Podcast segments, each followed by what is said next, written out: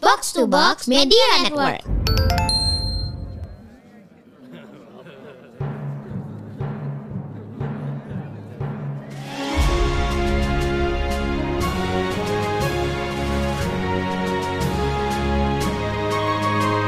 Perhatian, perhatian. Dongeng Paman Geri akan segera dimulai. Semua anak dipersilahkan untuk berkumpul. Wah, senang. Sekarang ketemu lagi dengan Paman Geri. Kita ada di podcast Dongeng Paman Geri. Halo adik-adik teman ceritaku. Semua sehat-sehat? Semuanya gembira? Paman Geri juga sehat dan juga Paman Geri gembira. Tapi semuanya udah pada makan belum?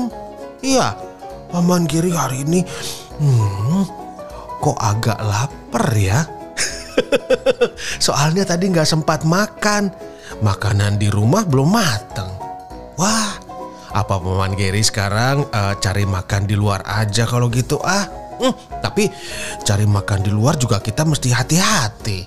Karena kita juga belum tahu itu bersih atau enggak ya kan? Atau enak atau enggaknya juga nggak jelas. ya tapi nanti pasti kita semua akan mencari makan ya adik-adik ya. Nah sama seperti cerita kali ini.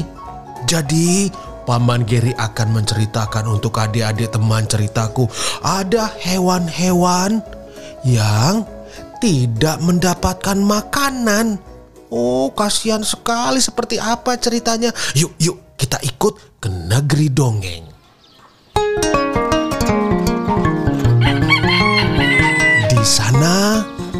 Negeri dongeng, ada satu desa yang subur makmur. Tempatnya ada di kaki gunung. Nah, adik-adik, saking suburnya, semua orang yang tinggal di sana itu bercocok tanam. Tahu kan bercocok tanam? Bertani dan juga berkebun. Nah, ada petani yang menanam padi. Ada juga yang menanam jagung. Ada juga yang punya kebun coklat. Wah, enak sekali. Ada juga kebun mangga. Oh, Paman Giri juga suka mangga. Ada kebun singkong dan banyak lagi yang lainnya. Kebun-kebun itu tumbuh dengan suburnya. Tapi pada suatu hari terjadi sesuatu yang menggemparkan seluruh desa. Wah, hal itu terjadi pagi-pagi sekali ketika Pak Tiko pergi ke sawahnya. Hah? Sawahku hancur. Kenapa? Kenapa bisa hancur begini? Siapa yang tega melakukannya? Hei, Tiko. Ada apa kau teriak pagi-pagi begini? Ini, lihat ini. Tanaman padiku hancur semua. Berantakan. Padahal sebentar lagi harusnya aku panen. Wah, mungkin terkena hama atau cuaca. Tapi kalau karena cuaca, tanaman jagungku baik-baik saja kok. Pak, Pak, ya ampun Pak, ladang jagung kita hancur Pak, berantakan. Bonggol jagungnya berserakan, pohon-pohonnya tumbang. Aduh Pak, bagaimana ini Pak? Hah? Hmm, aneh sekali.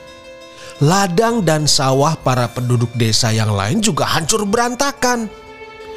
Seolah-olah ini baru saja ada serombongan badak lewat di desa itu dan menginjak-injak semuanya. Uh, Ah, ayam-ayamku, ayam-ayamku hilang lima ekor.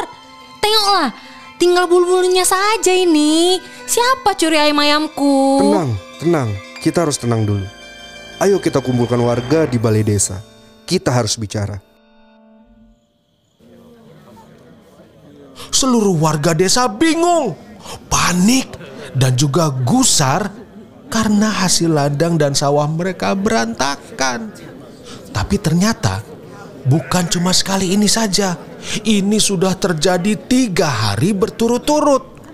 Sawah, ladang, dan juga kebun warga desa bergantian dirusak. Huh, ini siapa ya? Atau apa ya yang melakukannya? Semua kejadian ini terjadi pada malam hari. Jadi, kita harus jaga malam. Kita bersembunyi di tempat-tempat yang gelap sambil mengamati keadaan. Bagaimana? Setuju, setuju. Ya, pasti setuju. Nah, adik-adik, Pak Tiko, Pak Poli, dan warga-warga lainnya akhirnya menjalankan rencana tersebut. Mereka mematikan semua lentera. Tapi, kemudian bersembunyi di teras-teras rumah dan juga lumbung padi. Ketika malam semakin larut, Pak Tiko yang tertidur dibangunkan oleh Pak Poli. Pak Tiko, bangun. Kau harus lihat itu. Ternyata bukan orang jahat yang merusak desa kita. Ternyata hewan-hewan liar. Pak Tiko dan Pak Poli memandang takjub ke arah para hewan liar yang datang mengendap-ngendap. Eh, apa itu? Mula-mula datang serombongan monyet.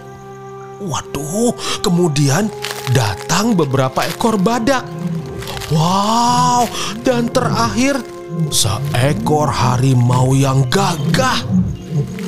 Warga desa tak berani melakukan apa-apa. Mereka hanya mengamati hewan-hewan itu mencari makanan di sawah, di ladang, dan juga di kebun mereka.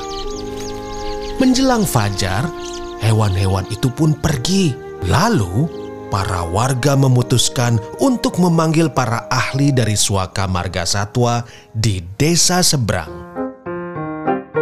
Hewan-hewan liar itu turun gunung karena di gunung sudah tidak ada makanan untuk mereka lagi. Kenapa bisa tidak ada? Gunung ini kan subur tanahnya. Memang subur tanahnya, tapi enam bulan terakhir sisi sebelah barat dan utara gunung ini sedang dikeruk untuk diambil kapurnya. Apa? Ada penambangan kapur di gunung ini? Itu kan bisa menyebabkan longsor. Betul. Tapi para penambang itu tak peduli. Hewan-hewan kehabisan sumber makanan dan desa ini yang jadi korbannya. Jadi, apa yang harus kita lakukan terhadap hewan-hewan liar ini? Kami akan membawanya ke Suaka Marga Satwa. Di situ lebih aman untuk mereka dan untuk warga desa ini. Malam itu, petugas konservasi datang beramai-ramai. Mereka membawa kandang-kandang berukuran besar dan juga, loh, kok ada senapan? Apakah hewan-hewan itu akan ditembak?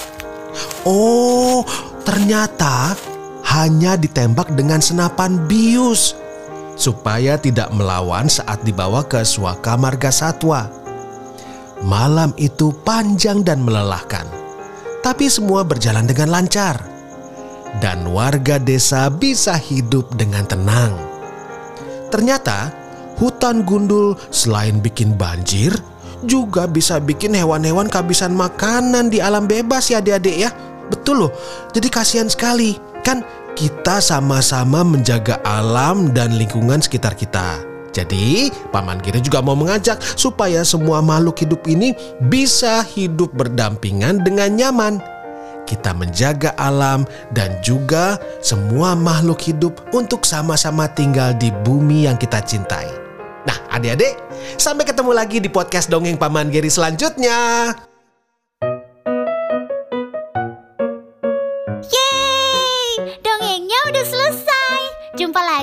Di dongeng Paman Geri berikutnya.